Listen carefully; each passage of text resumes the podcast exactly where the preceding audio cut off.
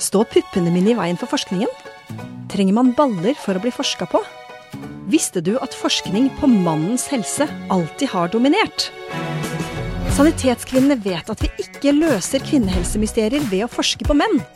Derfor finansierer vi forskning på kvinnehelse.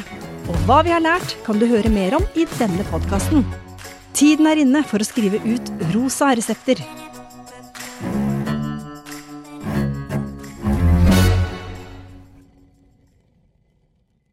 Velkommen til dagens episode av Rosa resept. I dag så skal vi snakke med to som har vært involvert i et forskningsprosjekt som handler om den verdige døden.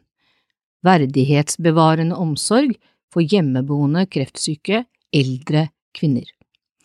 Det er Katrine Stats som nettopp har disputert i sitt forskningsprosjekt, og så er det Kari Hilde Magerøy som har vært med i prosjektet som brukerrepresentant eller pårørenderepresentant, vi skal komme litt tilbake igjen til det. Men Katrine, dette er jo et, eh, dette er jo et veldig sterkt tema. Mm. Eh, og har du vært opptatt av dette i mange år, siden du liksom har valgt å forske på det? Ja, det har jeg. Jeg har eh, alltid villet blitt sykepleier, og har alltid vært opptatt av eh, ja, de som har en kreftsykdom, og de som har eh, vært ved livets slutt. Det har egentlig interessert meg, både faglig og menneskelig. Så jeg har nok vært eh, spesielt opptatt av det. Så jeg var, eh, tok jo min mastergrad også innenfor temaet, og så var jeg heldig som fikk midler til å forske på det temaet her, eh, den verdige døden. Så det Jeg har jobba som kreftsykepleier i mange år også, så jeg har jo møtt mange ved livets slutt, og hatt mange samtaler, så jeg har alltid nok mest opptatt av samtaler enn eh, en sykepleien, den, den kliniske biten. Jeg syns det er veldig spennende, da, å samtale rundt temaet. Mm. Mm. Så det er liksom en, en naturlig egentlig del da, av uh, sykepleiedelen, kanskje? Ja, det er jo det. Det er jo noe med den der helheten, Uh, og jeg tenker at døden er jo noe som eh, alle skal på et tidspunkt. Eh, Og så er det jo noen Det å få god omsorg når man er i den fasen, det er, syns jeg Det brenner jeg veldig for. At man skal ha det bra, eh, og at man skal få bestemme, og at familien rundt også skal ha det bra. Mm. Så eh, derfor syns jeg jeg har vært heldig som har fått lov til å snakke med mange uh, i, i den fasen av livet, men også pårørende og helsepersonell om temaet, sånn at det forhåpentligvis kan øke kunnskapen om det temaet her, da. Mm. Mm. Og, og du da, Kari Hilde, siden du på en måte har vært pårørende her i Mm. denne, så har du vel kanskje da hatt en mor eller en Ja. Eh, Jeg har en mor, eller har hatt en mor, som døde av kreft i januar 2016. Hun ble syk i mars ca. 2015, og da var vi så heldige at vi fikk Katrine inn som kreftkoordinator og kreftsykepleier for henne. Eh, Hun ønsket å være hjemme mens hun var syk og døde, og det fikk vi til med god hjelp av Katrine og teamet hennes, da. Så det er min vei inn i dette, og det er jo Det blir jo veldig altoppslukende når man står i det, så man blir jo engasjert. Og så har jeg sett på det arbeidet Katrine har gjort i etterkant, og syns det er veldig interessant eh, å se på de ulike aspektene av det. Hvorfor skal vi være opptatt av dette da, dere? Hvorfor skal vi være opptatt av eh, liksom liv når vi livet er brut, da? Katrine? Uh, ja, nei, jeg tenker jo at uh, som jeg sa i stad, vi skal jo alle den uh, veien. Så jeg tenker det er viktig at vi har fokus på den sårbare pasientene, som kanskje ikke kan gi uttrykk lenger for hva de ønsker.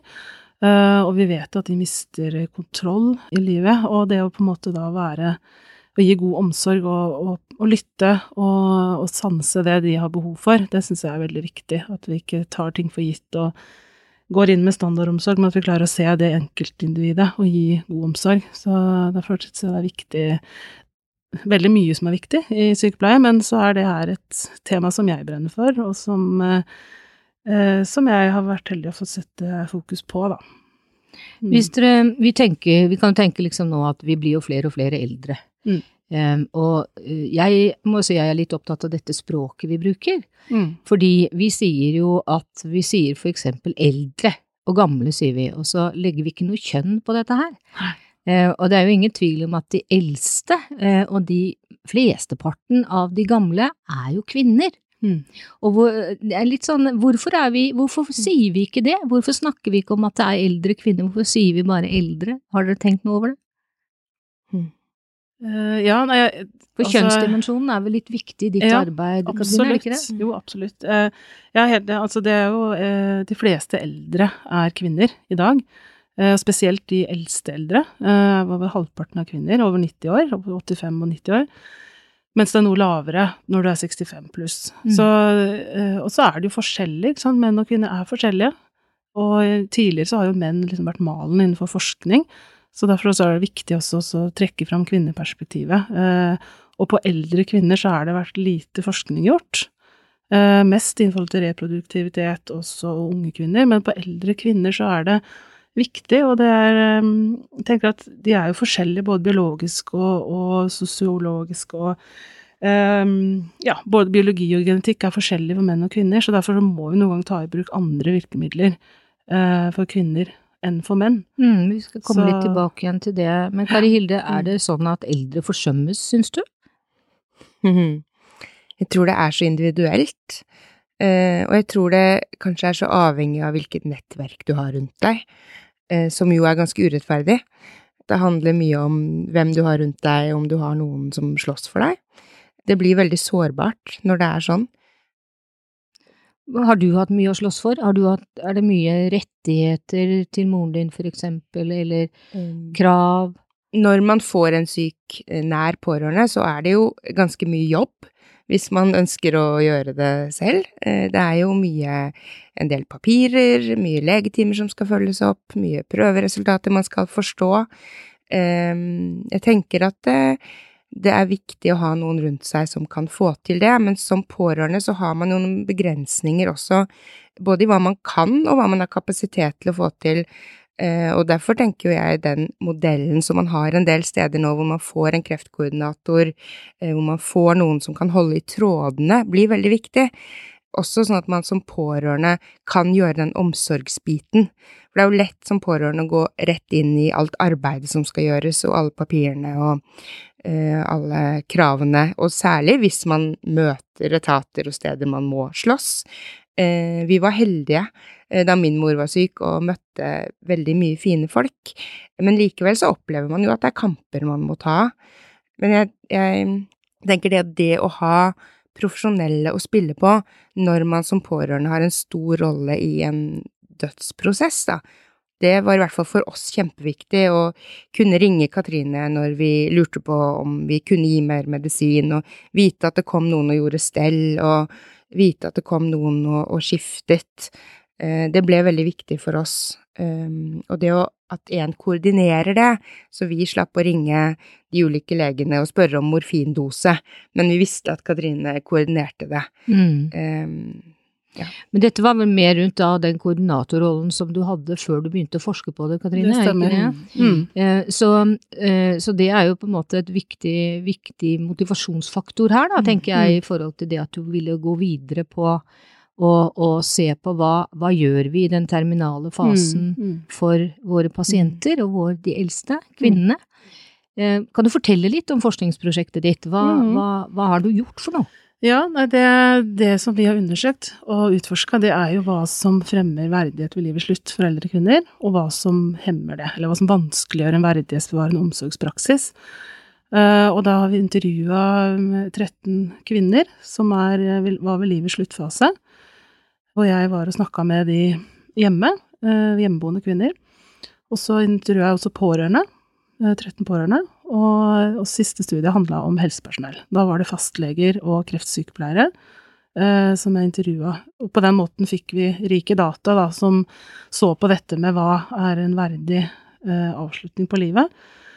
Så det er liksom, eh, skal jeg si, hensikten og bakgrunnen med det. Ja, og metod, metoden, Metoden, din har vært eh, kvalitativ. Kvalitativ metode, ja. Så vi har brukt noe som heter hermeneutikk, da hvor vi har tolka tekster. Eh, sånn at man eh, Ja, jeg skal ikke gå så mye inn i metoden, men det er gå, gå på det å gå og utforske noe i dybden. Mm. Eh, og derfor er ikke heller det antallet så av stor grad vesentlig, men det handler om at vi forstår den enkelte kvinnen, eh, og hva, hva som er viktig for henne eh, når livet går mot slutten. Mm. Noen av disse kvinnene var jo eh, var veldig forskjellig. Noen var nærmere livets slutt enn andre, men de fleste hadde kort forventa levetid. Sånn at de hadde mye de kunne fortelle om tiden som hadde vært, hva som var viktig, men også hva de tenkte om tiden som kom, eh, når de visste at de skulle gå inn i den siste fasen, og hva som var viktig for dem. Og det mm, syns jeg har vært kjempespennende å få lov til å gå inn i, men også krevende. Fordi mm. jeg har jo den bakgrunnen jeg har som kreftsykepleier, og har vært veldig mye hos pasienter. Og da har jeg vært der over tid og bygd opp tillit og relasjon. Eh, mens nå så har du forsker, så går man jo inn og har én samtale med noen man egentlig ikke kjenner. Eh, så det krevde veldig mye av meg som menneske mm. også, og ikke bare mm. som forsker. Ikke bare som profesjonell Nei. utøver, liksom. Men du måtte bruke meg, meg, selv som verktøy, og ja, være veldig var og forsiktig, samtidig også tørre å spørre og, og, gå i dybden for å få fram det jeg ønska å få svar på. Men uh, det var veldig fint òg. Det, det, var veldig meningsfullt. De ville jo bidra, disse kvinnene. Det, det er jo etisk utfordrende, men samtidig også viktig at vi hører på disse sårbare stemmene, at vi ikke på en måte tenker at vi ikke skal forske på den pasientgruppa fordi den er så sårbar, men det er så mm. viktig at de også får lov til å si hva de syns er viktig. Mm.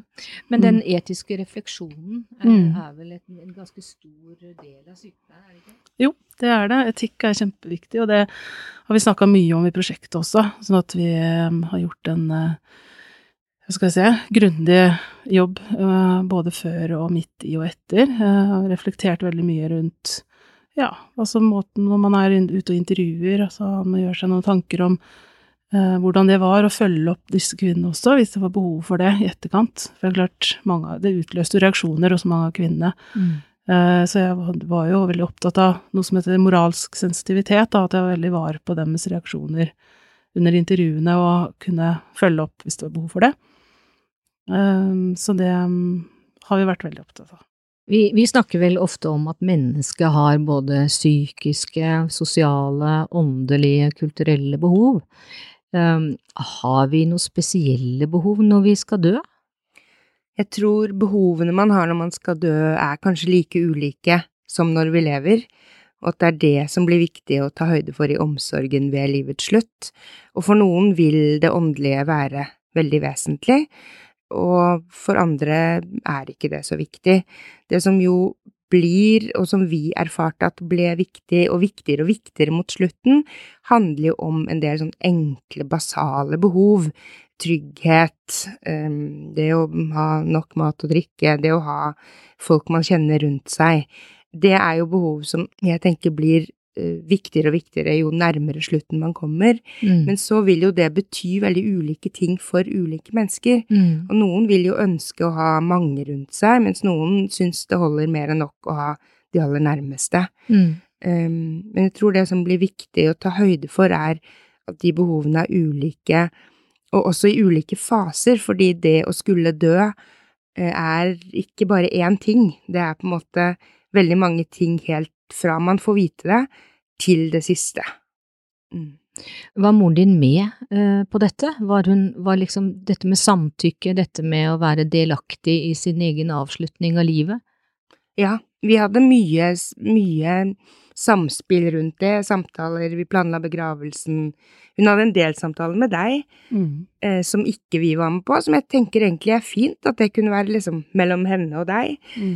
Eh, så hadde hun noen samtaler med nære venner, faren min, men vi hadde ganske mye sånn samspill i hvordan det skulle være, og hvordan hun ønsket, hvem hun ønsket på besøk, når, hvordan ting skulle tilrettelegges. Eh, vi opplevde at det var fint med å være hjemme, at vi kunne styre og regulere og lage den maten hun ville ha, eller ikke servere mat hvis hun ikke orket det på det tidspunktet. Mm. Ja. Mm. Av disse 13 du har snakket med, da, Katrine, mm. var, er det 13 helt ulike livshistorier, eh, ja. eh, historier vi, vi, har med å gjøre i forhold til å forberede seg til å dø, da? Ja, det er det. Aller høyeste grad. Veldig forskjellig. Og, og, det gjenspeiler jo sånn det er, og som Kari Hilde sier også, det er jo Det å dø er jo øh, like forskjellig for alle som det å leve. Uh, Syns jeg var veldig fint, akkurat det. Og det tror jeg handler om at vi er jo forskjellige, alle mennesker. Og det å gå inn i noe Det er klart at noen ting var jo litt sånn noe overlappende i funnene mine, selvfølgelig. Hva Mm. som var viktig for kvinnene når livet gikk mot slutten. Eh, Men klart, alle hadde sin historie, sin bagasje, sine erfaringer, og noen hadde opplevd lang sykdomsbilde, noen kort, ikke sant. Og så mange Og dette med å bo med stor familie, noen hadde nesten ikke noe nettverk, eh, var mer avhengig av hjelp fra andre. Så det er så forskjellig, og det, og det syns jeg er så viktig, for det gjenspeiler også den måten vi må se kvinnene på. Eh, Og det er å se de som et individuelt menneske, og ikke som den sykdommen, men se på det mennesket bak sykdommen, fordi tør vi å være litt nysgjerrige på det, og er liksom genuint interesserte, så kan vi gi den aller beste omsorgen. Og det er jo det er på en måte også som er noen av hovedfunnene, at uh, vi, er, vi må se det vi må, Og det syns kvinnene var viktig, sa de selv også, det å på en måte bli sett på som et individ, rett og Mm, slett. den ja. på en måte. Vi snakker jo mye om det når det Ja. gjelder somatisk sykdom, og legge til rette for pasientløp og sånn, ikke sant. Mm. Med, med å skreddersy. Og det er jo egentlig det vi snakker om her nå også, i den terminale fasen, Mm, da. Absolutt. Eh, Men du har vel noe der som du fant som var fellestrekk i forhold til viktigste faktorer for, for en verdig avslutning på livet, vil jeg tro? Mm, ja, vi kan jo nevne det, for eksempel det med å ha kontroll i livet. Det var jo et, et av hovedfunnene fra, fra kvinner, men egentlig også fra, både fra pårørende og helsepersonell også. Det med at man skal liksom få sitte i førersetet, som noen sa det så fint, eh, ved livets slutt, og få lov til å regissere den siste turen. Altså, det ble jo sagt på forskjellige måter, men eh, det, det var veldig viktig. Og fordi det som skjer når man blir syk, er jo at man mister funksjon både fysisk og mentalt. Altså du, du slutter å fungere, på slett, på forskjellige måter, og det å få lov til å holde kontrollen på ting som kan være veldig små selv. ting. Selv. Ja, få Mm. bestemme om du vil ha den eller den pålegget, at ikke noen kommer og som setter mat foran deg som du kanskje ikke har lyst på, men at du skal få lov til å si det, eller at du vil ligge på venstre side og ikke høyre side i senga. Eh, ting som vi noen ganger kanskje kan ta litt for gitt. Det å også ta seg tid til å spørre hva vil du i dag? Fordi dette her endrer seg jo hele tiden. Mm. Eh, ja. Er det lettere å regulere dette, tror du, Kari Hilde, eh, hjemme, når eh, man er i hjemmemiljø, enn det ville vært hvis du for eksempel var på sykehus da, eller i sykehjem? Eh, Vi opplevde nok det at det å være hjemme ga en veldig sånn mulighet for all mulig tilpasning, både når det gjelder miljø og det fysiske, og man er på sitt eget soverom, man er på sitt eget bad, selv om badet etter hvert så ut som et sykehus, og det gjorde soverommet også. Men, men samtidig så tror jeg at for andre så kan det være viktig og riktig å være på et sykehjem eller på et sykehus. Jeg tror og jeg er liksom opptatt av ikke idealisere veldig den hjemmedøden, for det er veldig krevende. Det krever mye av de som står rundt, det krever at man har et godt støtteapparat. Hvis man har det, så tenker jeg at det kan være en fin ting å gjøre, Mm. men hvis ikke, så kan det være like godt å være et annet sted. Men Mm. det er klart at det å ha sine egne bilder, sine egne ting, eh, sine egne klær, eh, de kjente luktene gir en trygghet eh, som man ikke nødvendigvis kan få til andre steder. Mm. Du har en, en far da, som også har vært med Mm. på en måte her. Ja. vet du noe om hans Mm.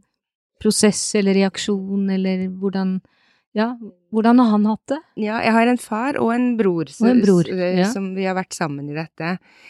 Um, han Ja, hvordan han har hatt det, det er vanskelig å si, men han gikk nok også inn i en rolle hvor eh, det å legge til rette, være til stede eh, På en måte man la mye til side, da, for dette, Mm. som jeg tror han opplevde som riktig. Ja. Mm. Det sies jo en del om dette i terminalfaser, at du skal på en måte ha håp. At håpet er et viktig faktor som skal være med deg hele tiden. Eh, Katrine, er det, er, det, er det noe i det? Absolutt. Det var også en av mine hovedfunn, det å bevare håpet. Eh, veldig viktig for kvinner. Og det, og det handler om at en slags drivkraft. At man kan eh, stå i det man står i. Eh, fordi jeg tenker at Og det sa pårørende også, det, det er så viktig, for det er alltid et håp. Eh, men håpet endrer seg. Så det å på en måte håpe på at du blir frisk fordi det skal komme en ny behandling, eh, endrer seg etter hvert til at man håper på god dag, håper på at det kommer en, en sykepleier som har tid til å snakke med deg, at du håper at Ikke sant? At du håper at du kan sette deg på sengekanten i morgen fordi det er så fint. Så, så det, det, det håpet er sånn dynamisk, og det, det, det sa kvinnen også, at det å eh, å bevare det håpet, eh, det var kjempeviktig, og pårørende også. Eh, fordi, og det har jeg sett sjøl også, jeg, i klinisk sammenheng tidligere, at hvis man eh, For det å si at, at det ikke er håp, det er så stort, og det er så brutalt, eh, fordi håp betyr mye, for, eh, men det betyr noe annet når du er i den fasen av livet enn det gjør når du ikke skal dø, da. Mm. Mm. Og så, og så får man på en måte, man lager seg noen delmål med håp, ikke sant. Man, vi skal på den konserten, eller vi skal spise det, eller da kommer hun på besøk. Man lager seg noen delmål på det som man jo ikke alltid vet om er spurt eller maraton, men som man måtte kan jobbe fra sted til sted. Det var viktig for oss i hvert fall. Mm. Ja. Og det, og så tenker jeg at håp, eh, som eh, noen av disse jeg snakker med også, og noen knytter det opp mot, eh, mot religiøse ting, eller eksistensielt håp, og noen snakka også om det at de håpa de fant en sånn indre styrke når, eh, når livet skulle ta slutt. For det er klart at ja, for noen syntes det var skummelt, og det var mye uvitenhet, og vi visste ikke hva de, liksom, dette med døden kan være skummelt. Men det å, det å ha det håpet, da, det er eh, veldig viktig. Mm. Eh, viktig for helsepersonell også å, å tørre å spørre, liksom, hva er håpet for deg, hva, hva håper du på i dag? At man kan bruke det ordet. For det, det tenker jeg også er like individuelt som alt annet. At, eh, Ja, og veldig enkelt- bevegelig, da, ikke Ja. sant. Som du, som mm. du sier her i forhold til at det kan handle om de veldig enkle, små tingene, Mm. men det kan også handle om mer større eksistensielle eh, Ja. problemstillinger, da, eller tema. Eh, men eh, helsepersonell midt oppi dette, fordi du har jo også snakket med dem, Mm. ikke sant. Er det, er det likhet her? Eh, eller er det forskjell? Kan du si noe om hva de melder tilbake? Ja, de er også opptatt av dette individuelle perspektivet, både sykepleiere og leger. Og når jeg sier sykepleiere, så er det kreftsykepleiere og palliative, da, men så alle var jo på en måte veldig opptatt av det. Det var litt variasjon i forhold til fastlege og sykepleiere når det kommer til eh, det, dette med hjemmet. Jeg var jo også på observasjoner hjemme, i tillegg til intervjuer. Eh, Jeg hadde seks observasjoner hvor det var samtaler med lege, sykepleier og helsepersonell, eller og pårørende og pasient. Uh, og det så Bare litt til det, altså Ja. du hadde observasjoner, altså sitter du og ser på Mm. hvordan den dialogen går mellom Ja. pasient og helsepersonell, da? Er det det du gjør? Ja, det- Iakttar, på en måte? Ja, det kan kalles en deltakende observasjon, så jeg var på en måte mest observatør, men jeg var også deltakende litt sånn i form av at jeg hadde den rollen tidligere som kreftsykepleier, og da ble jeg på en måte en del av samtalen, men samtidig så hadde jeg en, en forskerrolle hvor jeg i stor grad observerte, da. Så så jeg på det samspillet, interaksjonene, hva skjer, og hvordan blir kvinnen ivaretatt av Og det jeg så spesielt, var jo at eh, dette med å snakke om døden eh, syns jeg spesielt kanskje fastlegene syntes var litt vanskelig. Jeg så på en måte at de lente seg litt tilbake da og sånn, mens sykepleierne var mye mer fremoverlente og liksom turte mer å gå litt inn i det eksistensielle. Eh, Virka som de var mer komfortable med å ta opp disse temaene. Og når jeg intervjua fastleger, så var jo de ærlige på det òg, at de hadde jo sjeldent den pasientgruppen i forhold til kreftsykepleiere som jobber mye mer med dette kontinuerlig. Sånn at det går jo på dette med ikke få trening nok til å snakke om disse vanskelige tingene, og fast, vi vet jo at fastlegene har veldig pressa eh, arbeidsforhold, og at de har mange pasienter som de skal håndtere mye. Og så var- var de opptatt av teamarbeid, at det skulle gå, eh, det skulle være en flyt, at de skulle samarbeide, at det skulle være gode planer, sånn at organiseringen rundt eh, skulle være bra, men også at det skulle være fleksibelt. Mm. Og det går jo litt på det der individuelle, at vi kan være fleksible, at vi ikke vil putte på standarder, og at vi bruker sjekklister for mye, men at vi også evner å spørre hvem er du, og hva betyr, hva er viktig for deg? eh, I denne dagen her, ja, på en måte? her og Ja. nå. Og, og dette med hva er viktig for deg, det er jo et begrep som er veldig inn og blir brukt mye, og det syns jeg er kjempeviktig. Men så har jeg noen ganger lyst til å legge på hva er viktig for deg nå, Mm. Eh, fordi Mm. det endrer seg veldig eh, Mm. fra dag til dag, og det å eh, Det som var bra i dag, det kan være noe helt annet dagen etterpå. Så at vi må Ja, så det er egentlig det um, sykepleiere og fastlegene um, ja, det å anerkjenne kvinnens autonomi, og at de, de forsto det. Det var viktig å ha kontroll i livet. Og at, uh, mm. Vil du si at det ligger et kompetansehevingspotensial her? Altså, mm. bør helsepersonell lære mer? Ja, jeg tenker at uh, dette med verdighet, det begrepet er jo viktig at vi uh, har kjennskap til. At vi på en måte anerkjenner at alle mennesker har en verdighet. En iboende verdighet. I seg eh, selv, tenker ja, du på? Ja, i kraft av å mm. være et menneske. Mm. Og at vi som helsepersonell forstår det, men at vi også forstår at mennesker har en relativ verdighet som er den, som er den krenkelige verdigheten. At det kan skje noe i samspillet som gjør at en annen person blir krenka. Og det kan gå på alt fra ting man ikke gjør, uh, rett og slett utelater omsorg fordi man ikke har tid, til at man eksempel sier noe feil, eller at man ikke har blikkontakt, man skynder seg i døra og um, Ja. Og en del av historiene som kvinnene kom med også, gikk jo på det med uh, krenkelser uh, i i hverdagen av helsepersonell, dessverre. Mm. Kan du gi noen eksempler, eller gi noen historier til oss? Ja, altså blant annet dette med transport var det flere som sa. Det var jo mange av disse kvinnene som hadde vært mye på sykehus til behandling for å få cellegift, blant annet. Og man vet jo at det er veldig krevende, man blir veldig syk av det eh, når du er eh, eldre i tillegg, og du Det å da må Flere som beskrev det, at de måtte sitte og vente i mange timer på en drosje, på den billigste drosjen, selv om det sto 20 drosjer på utsida av sykehuset. Det opplevdes veldig sånn krenkende, og du måtte bare gå fra avdelingen og ha det bra, nå er du ferdig i dag, og Altså, man liksom Man så ikke individet. De følte at de ble behandlet som et objekt på noen ja, løpende bånd, på en måte, og det Det opplevdes som krenkende.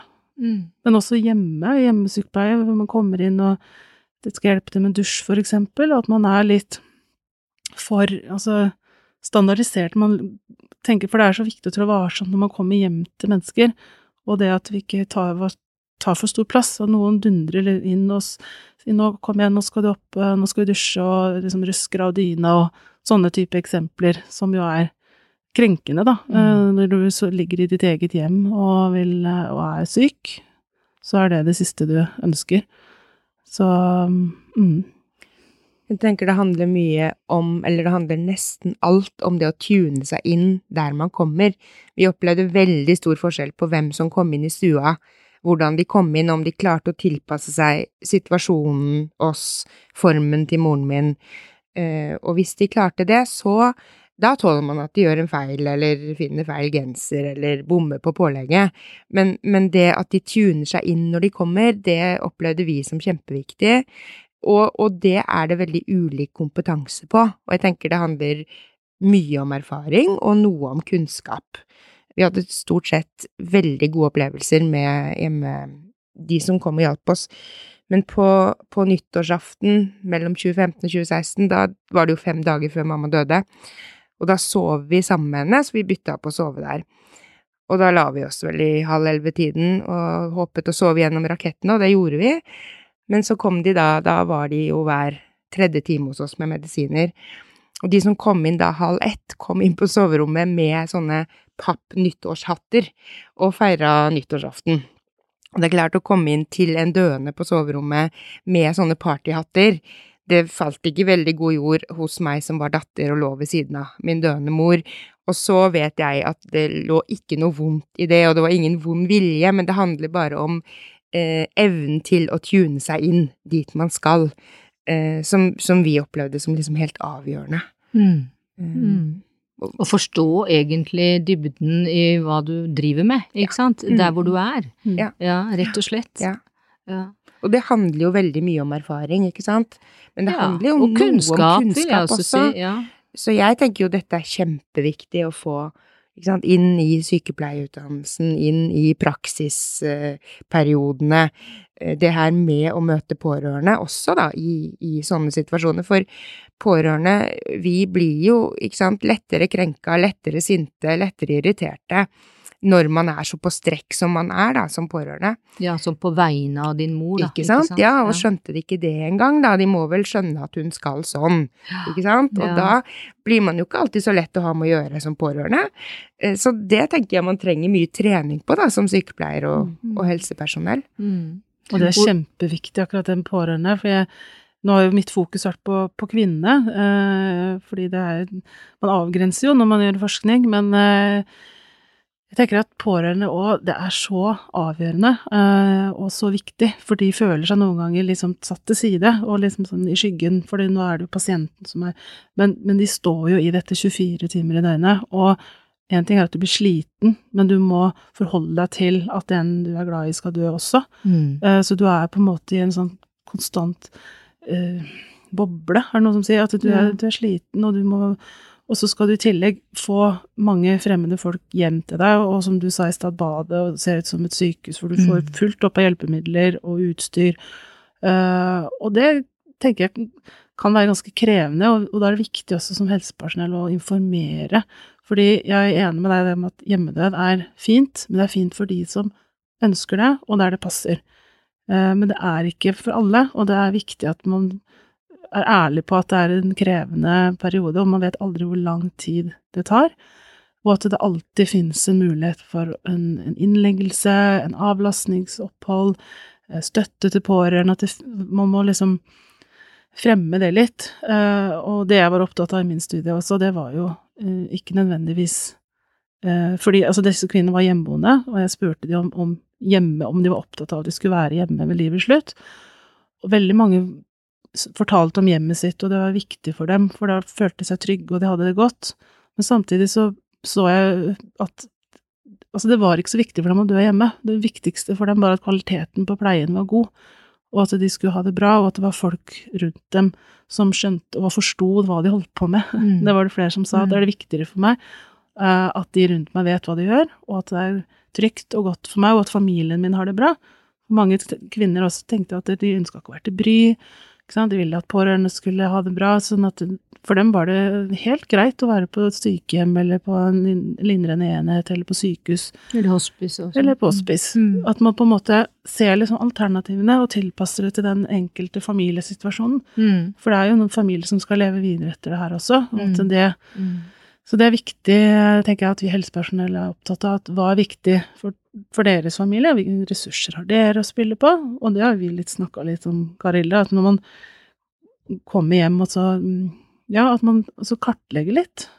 Hvem er du, og hvem har vi rundt oss her til å hjelpe til? Og, og det er krevende hvis man ikke har så mye nettverk, fordi det er eh, det, Ja, det, det sa jo du også, det vet du mer enn meg eh, at det er. Mm.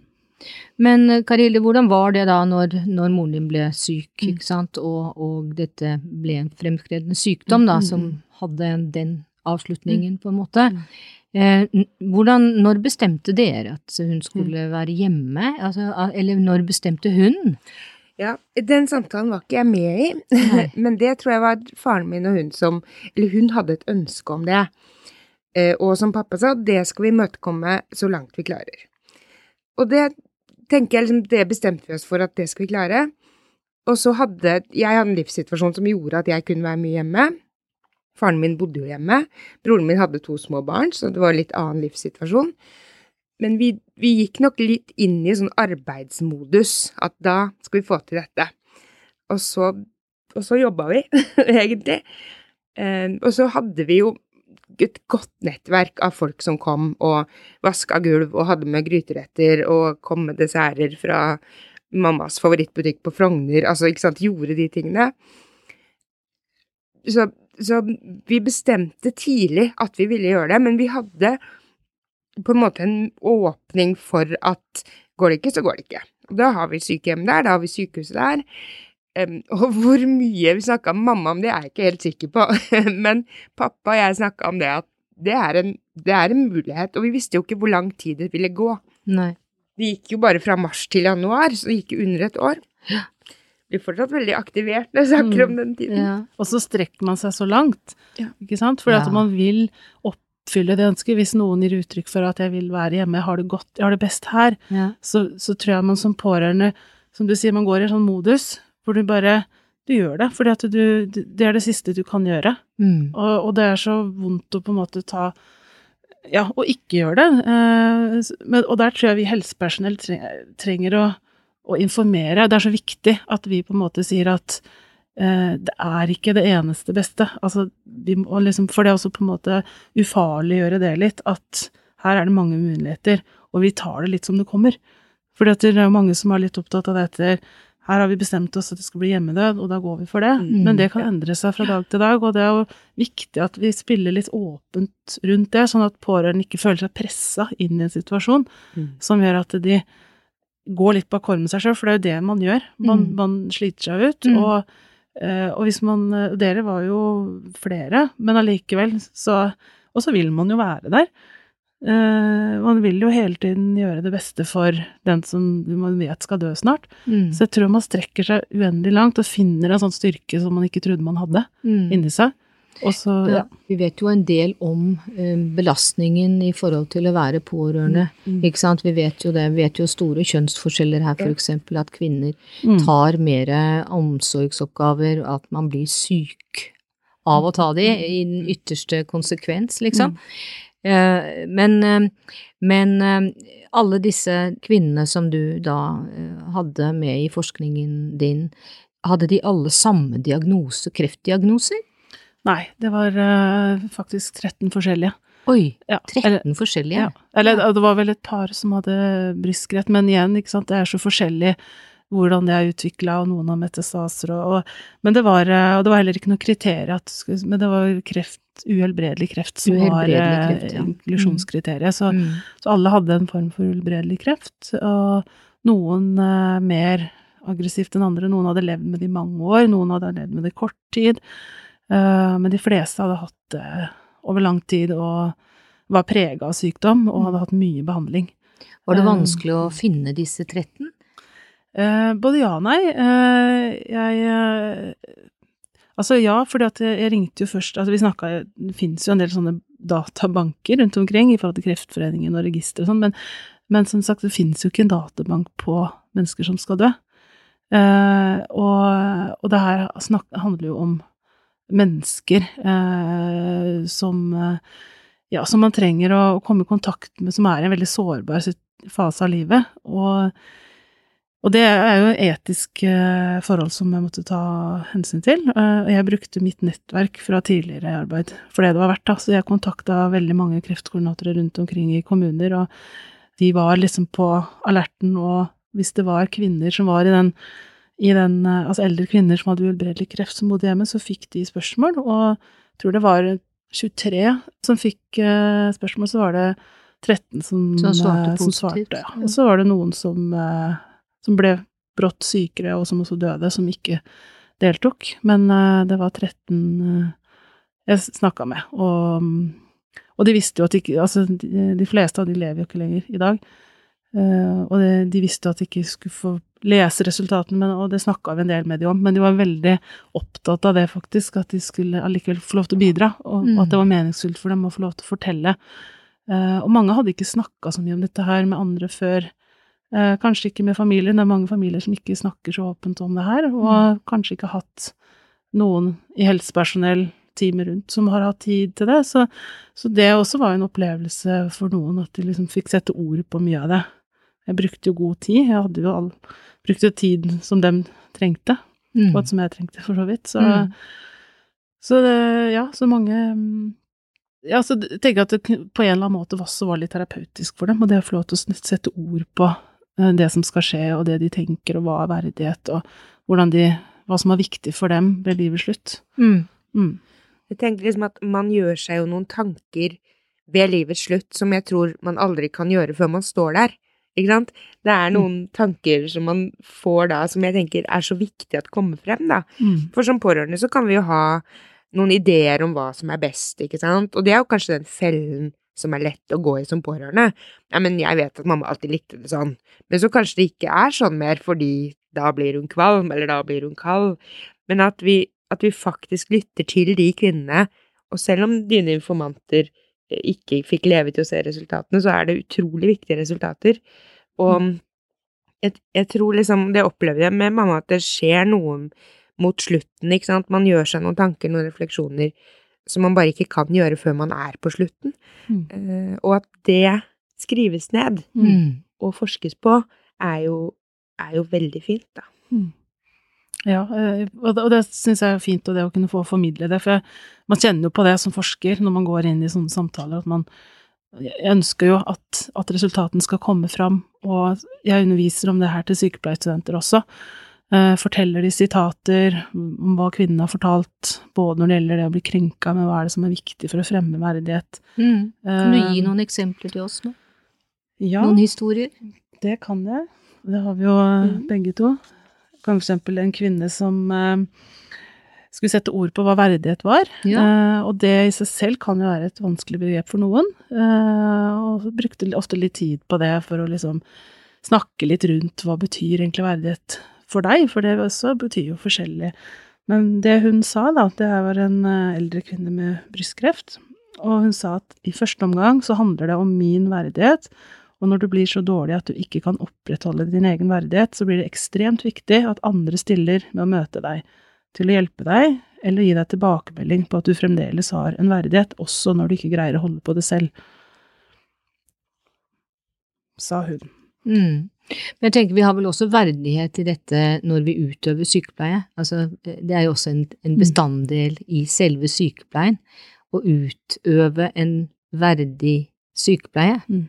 Ikke sant? Så, og det, da blir den jo mer profesjonell på en måte. Eh, fordi det er en, liksom en eh, Det er en del av palliasjon, for Mm. eksempel, da. Eh, hvis vi kan Mm. bruke det. Ja, og det tenker jeg at det er jo en det også, Jeg tenker det er viktig at helsepersonell vet at, uh, at det er dette som jeg sa i stad, at alle har en iboende verdighet, at man har respekt, og det går mye på respekt for mennesket, at man har det, men også at man er klar over at uh, en verdighet kan krenkes eller Mm. fremmes. Mm. Uh, man kan, man kan endre altså man, Og det går jo på samhandling mellom to mennesker. At det Mm. kanskje det skjer ofte mellom to mennesker, i hvert fall. Eh, så jeg tenker at det, og det med verdighetsbevarende omsorg, det snakker jeg mye om til studenter. Jeg har også hatt noen forelesning for eh, leger om det her, og på noen kurs. Og, mm, og jeg er overraskende stadig, fordi verdighet det blir faktisk mye mer brukt enn vi tror. Ja. Eh, og det er også en av de seks hovedpunktene i den nye stortingsmeldingen som sier om at annet verdighet og valgfrihet da, er viktig. Viktige begreper. Så politikerne setter det jo på en standard at det er viktig. Og på dagsorden, Ja, egentlig. sånn at vi, og det tenker jeg er viktig at vi eh, har med oss også, og om vi ikke helt klarer å ordlegge hva betyr det egentlig, så gjør det noe med samtalen, det gjør at vi tenker på hvordan vi behandler andre. For det er jo det det går på, at vi lytter til andre og behandler andre med respekt, og at vi er genuint interessert i det mennesket man har foran seg. Mm. Um, mm. Ja, nei, jeg bare tenkte at sånn i, i hverdagen, holdt jeg på å si, og så vises det så mye i de små tingene, sånn som måtte bare hvordan man tar i noen, eller hvordan man serverer den kaffen, eller hvordan man kommer inn i rommet. Eh, og det merkes veldig godt, eh, både som pasient og som pårørende. Eh, og man får seg jo liksom noen favoritter fordi at eh, ja, hun vasker meg så godt på ryggen, ikke sant, da jeg vil dusje når hun er her. Eh, og det handler jo om inntoningen, da, ikke sant, og, og hvordan Ja. Håndlag. Håndlag, ja. Varhet. Det, var det, Mm. det syns jeg er et ord som beskriver mye, fordi Varhet, ja. Ja. Mm. Det at du eh, Ja. Og jeg kan gi et eksempel på det, som jeg ofte bruker i undervisning også, det, til studenter som skal ut i hjemmesykepleien, det er jo det med at når du banker på til noen, og så på en måte istedenfor å stå i døråpning og si 'hei, trenger du hjelp i dag', og det å på en måte kontra det, så gå, gå inn, ta av seg jakka, sette seg ned og spørre 'hvordan har du det i dag'? Mm. Det det er to helt forskjellige tilmeldingsmåter, og det tar ikke noe mer tid når man er i den derre effektiviseringsbobla som jo vi Som det snakkes litt om, ikke sant, at man kan man gi verdig omsorg i dagens helsevesen hvor alt skal effektiviseres, så tenker jeg ja, man kan faktisk det.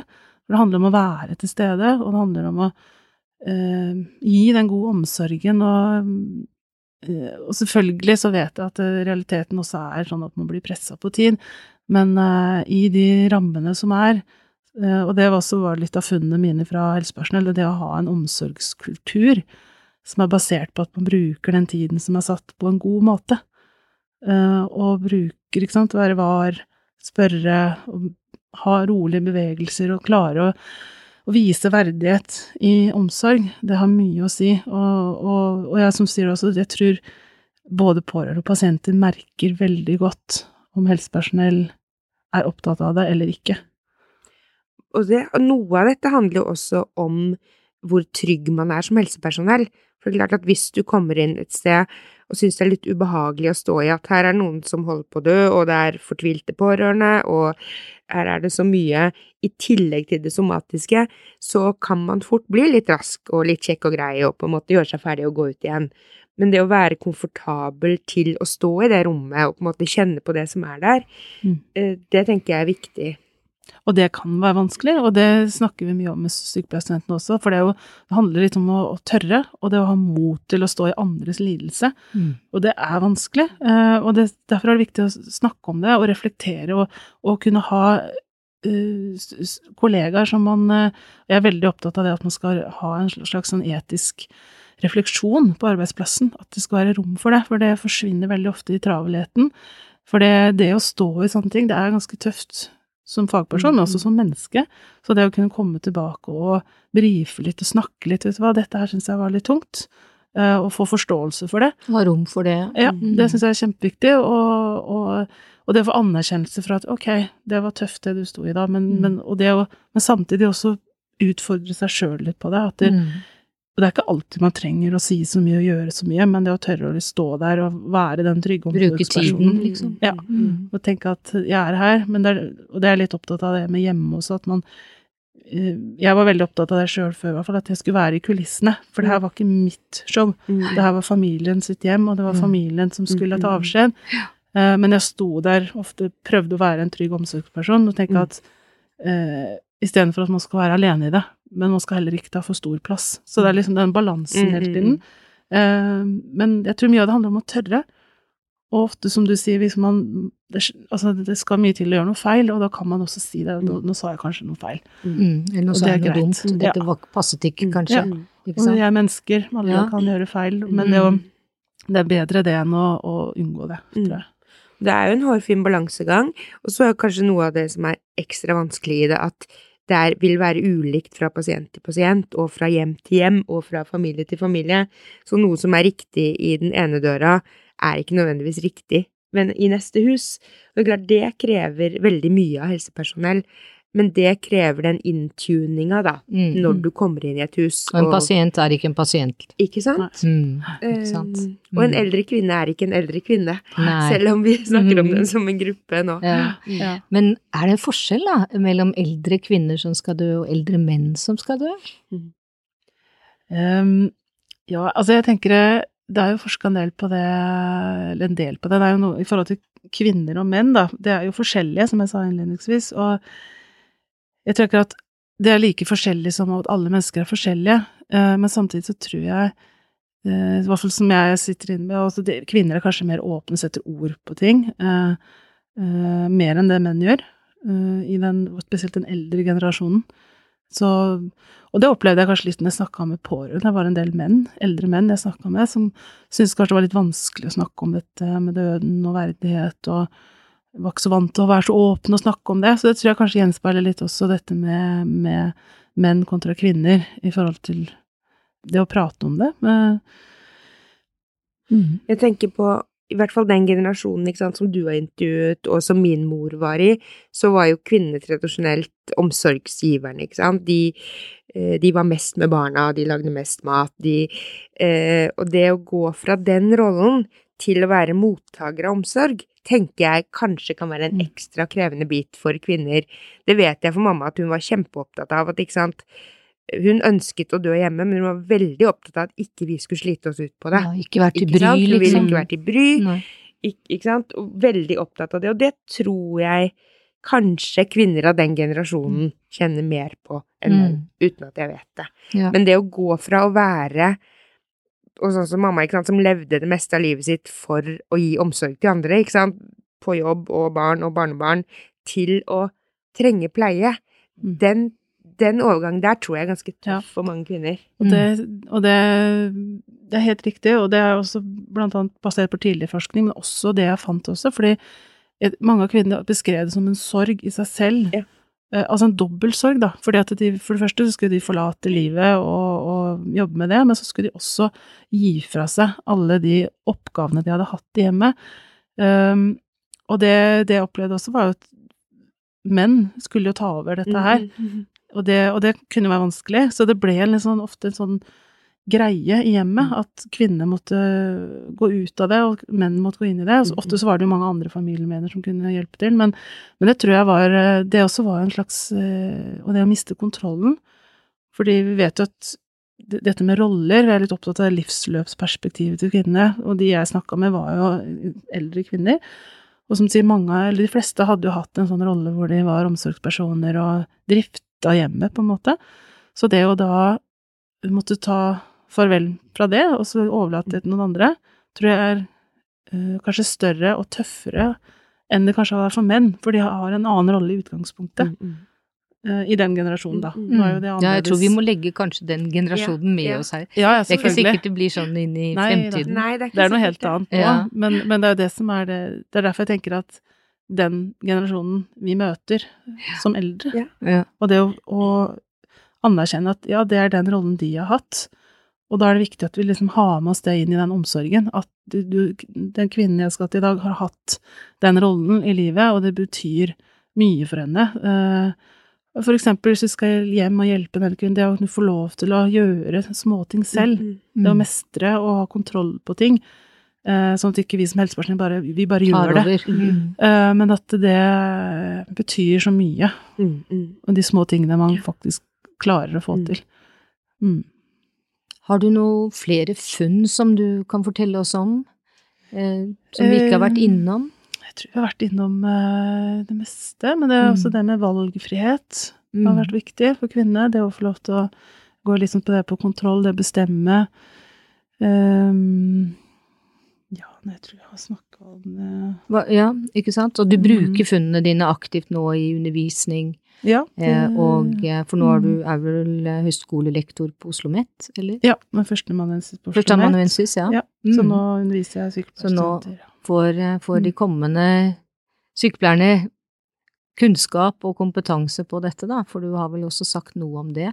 Men trenger vi noen retningslinjer her, for eksempel i forhold til, til verdighet i, i denne fasen? Trenger vi noe, på en måte, noe som på en måte skal være i bruk for Mm. helsepersonell for å øke den kompetansen, da?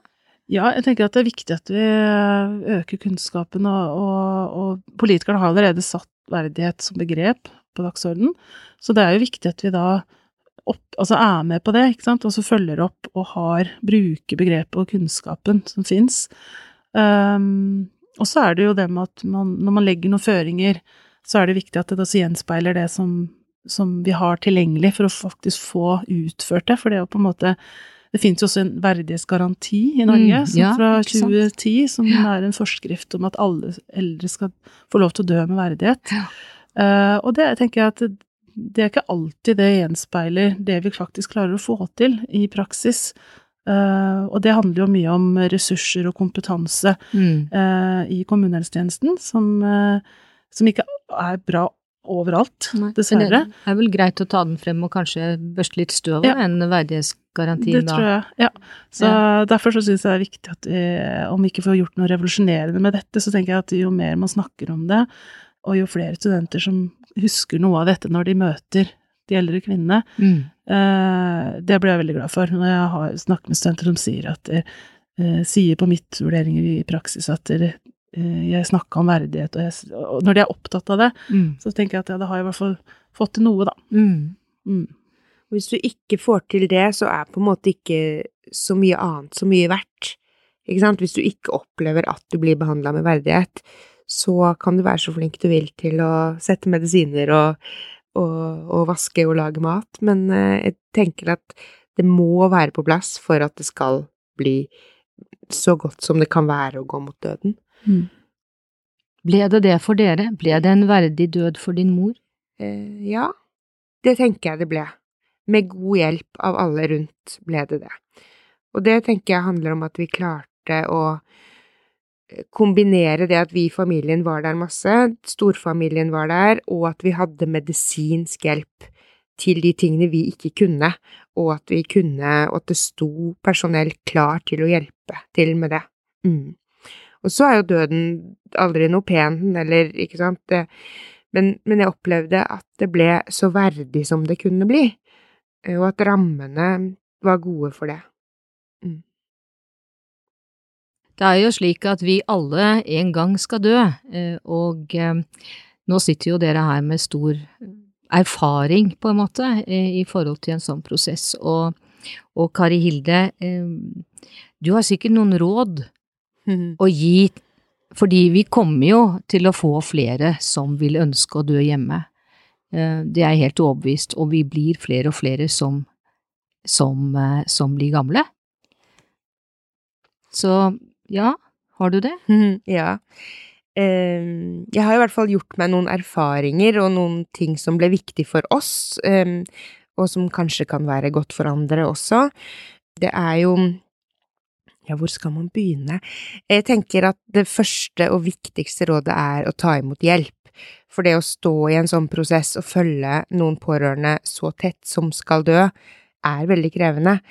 Eh, så det å ta imot hjelp eh, fra det man måtte ha, nettverk, storfamilie, eh, det at man i kjernefamilien har en åpen dialog, det med kommunikasjon blir jo veldig viktig i disse situasjonene. Sånn at vi, vi hadde jo noen runder hvor eh, mamma og pappa hadde vært hos legen, og så snakket en av oss med mamma og den andre med pappa, og så vi, hadde vi plutselig litt ulike versjoner av det som hadde skjedd hos legen. Så det å hele tiden ha tett kommunikasjon i de som står nærmest den som skal dø, opplevde vi var viktig.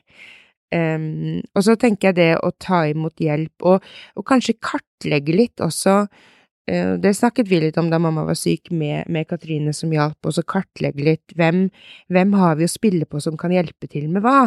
Hvem er det som gjerne kommer og vasker huset? Hvem er det som gjerne kommer med en gryte med et eller annet varmt og godt i?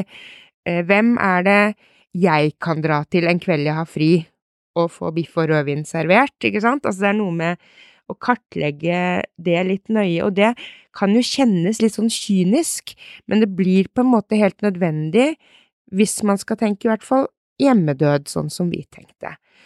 Og så må man velge sine kamper og velge hva som blir viktig, og så tenker jeg det blir viktig å eh, finne seg noen sånne milepæler, ikke sant, mamma hadde en konsert 8. desember, som hun levde frem mot, og hun var kjempedårlig mange dager etterpå, og hun døde jo under en måned etterpå, men den konserten skulle hun på.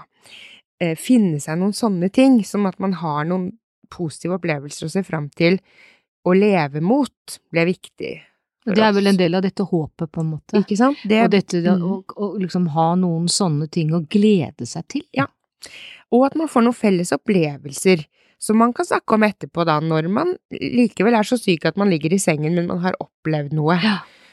Um, for oss så ble det jo også godt Man bodde i et stort hus, og det var på en måte mulighet for at eh, vi kunne ha besøk av noen i stua mens mamma lå på soverommet, og så kunne de gå inn og hilse. Det var en del sånne ting. Men jeg tenker det er jo en klisjé, men det blir viktig å ta vare på seg selv som pårørende i en sånn situasjon, og eller i hvert fall omgi deg med noen som tar vare på deg. Du må, du må sikre at du har noen som sier men nå, nå kjører jeg deg dit, og så går vi en tur, eller nå tar jeg dem ut og spiser. At man kan ha noen sånne rom, og at man som pårørende gir hverandre noen sånne rom, og at man kan si at i dag kan jeg, i kveld kan jeg være hjemme, eh, du kan gå ut. Eh, for det, man, jeg hadde en venninne som sa man vet ikke om det er spurt eller maraton, og det vet man ikke, og da må man legge inn noen pauser underveis, for man vet aldri helt når neste pause blir, og, og det, i et sånn forløp så oppstår det jo stadig nye kriser, ikke sant, for mamma så var det plutselig noen akutte magesmerter, og så måtte det løses, og så fikk man to gode uker, og så var det en ny krise, så man må liksom eh, Man er jo veldig i beredskap hele tiden, og det er jo krevende. Ellers så tenker jeg jo det at å ha dialog med den som faktisk skal dø, er jo viktig. Eh, og kan, det kan jo være krevende, for man har jo roller, ulike roller før dette skjer. Eh, men det å få til en grad av det, tenker jeg også er viktig. For det blir lett som pårørende, og, og jeg som datter, at jeg mente jeg visste hva som var best for mamma. Nei, men nå er det best å ha på den ulljakka, for hun fryser jo da. Og så er det ikke sikkert det er sånn. Så det kan noen ganger være vanskeligere som pårørende enn som helsepersonell å ivareta verdigheten til, til den som skal dø, fordi man man tenker man vet best. Og det er ikke så lurt. Det er jo sjelden lurt å tenke at man vet best, men særlig i en sånn situasjon. Det så, men det er jo så mye omsorg i det. Og, og der tenker jeg at vi helsepersonell også, sier vi, altså kan det å på en måte spørre pårørende ta med de på laget, og ikke tenke på alltid pårørende som en ressurs, men også som en, en person som trenger hjelp. For de trenger hjelp og støtte. Eh, så det er på en måte å finne en blanding av det, for veldig mange vil jo være ressurser, ikke sant, og det å på en måte finne liksom en balanse på det at det, det, er fint å hjelpe til, og det er en fin jobb vi som helsepersonell kan gjøre, eksempel helt ved livets slutt, være med å fukte munnen, være med å snu litt, massere føttene, mye sånn nærhet og varhet som er fint, men samtidig også være, få lov til å være den som også har det vanskelig, mm. og ikke alltid skal være den som mestrer og får til ting og skal være fordi Så det tror jeg er litt viktig at vi helsepersonell tar inn over oss, spesielt kanskje i en hjemmesituasjon, mm -mm. uh, hvor du ikke kan gå ut av det på samme måte som du gjør på en institusjon. Mm -hmm. uh, du, det er ditt hjem, og du, må, du, du er der hele tiden. Mm. Og så tenker jeg i den grad det er et råd man kan gi, men i hvert fall hadde vi veldig god erfaring med å ha god relasjon til helsepersonell, sånn at vi var trygge på at det som ble gjort, var til det beste for mamma. Fordi vi kan ikke vurdere hvor mye morfin hun kan få, ikke sant, eh, selv om man etter hvert blir ganske god på medisinering og utdosering. Så, så det å ha noen helsepersonell man stoler på når det er avgjørelser som man som pårørende ikke kan ta, eh, og da stole på at den som tar dem, vil hennes beste, det ble veldig viktig for oss. Mm. Ikke sant? Vi, du kom jo til oss rett fra Kiel-ferga, for mamma hadde så vondt, og vi fikk det ikke til. Da kom du rett fra Kiel-ferga og satt og sa dette skal vi få til, og, og satt med morfin opp og ned og fram og tilbake til vi fikk det til. Og det å vite at noen det, sier noe, eller det er en viktig kvalitet i helsepersonell, at du klarer å formidle til de pårørende at jeg vil deres, jeg vil den sykes beste. Mm. Og familien. Og ja. familien. Ja. ja. Og det tror jeg man merker mm. som pårørende og pasient. Mm. Um, ja. Og det er det som gjør det yrket så fint, og, og det å få lov til å hjelpe, men, uh, og der tenker jeg at det er viktig at vi fortsetter å ha fokus på det med verdighet, og uh, jeg er veldig opptatt av at vi får inn det begrepet, og at vi er opptatt av det, uh, og på den måten kan gi best mulig omsorg for de som skal dø, uansett hvem det er. I denne studien så er det eldre kvinner, men det det gjelder jo selvfølgelig alle uh, som er i den fasen av livet, og uansett hvor man er, så er det uh, menneskemøte viktig uansett. Mm. Mm. mm. Er det noe vi ikke har snakket om, dere? Er det noe vi bør ta med oss mer? Eller så syns jeg det var en veldig fin avslutning, jeg. Mm. Ja, jeg er helt enig. Ja. Tenk at det å se det enkeltmennesket og se helheten Ja. og det helheten er også pårørende en stor del av. Mm. Mm. Tusen takk til Katrine Stats og til Kari Hilde Magerøy. I 125 år har Sanitetskvinnene jobbet for å bedre kvinners helse og livsvilkår, og står for en av Norges største satsinger på kvinnehelseforskning. Du finner Rosa resept der hvor du lytter på podkast og i sosiale medier. Lenkene finner du i episodebeskrivelsen. Følg oss videre på veien mot likestilte helsetjenester. Nye rosa resepter skrives ut fortløpende.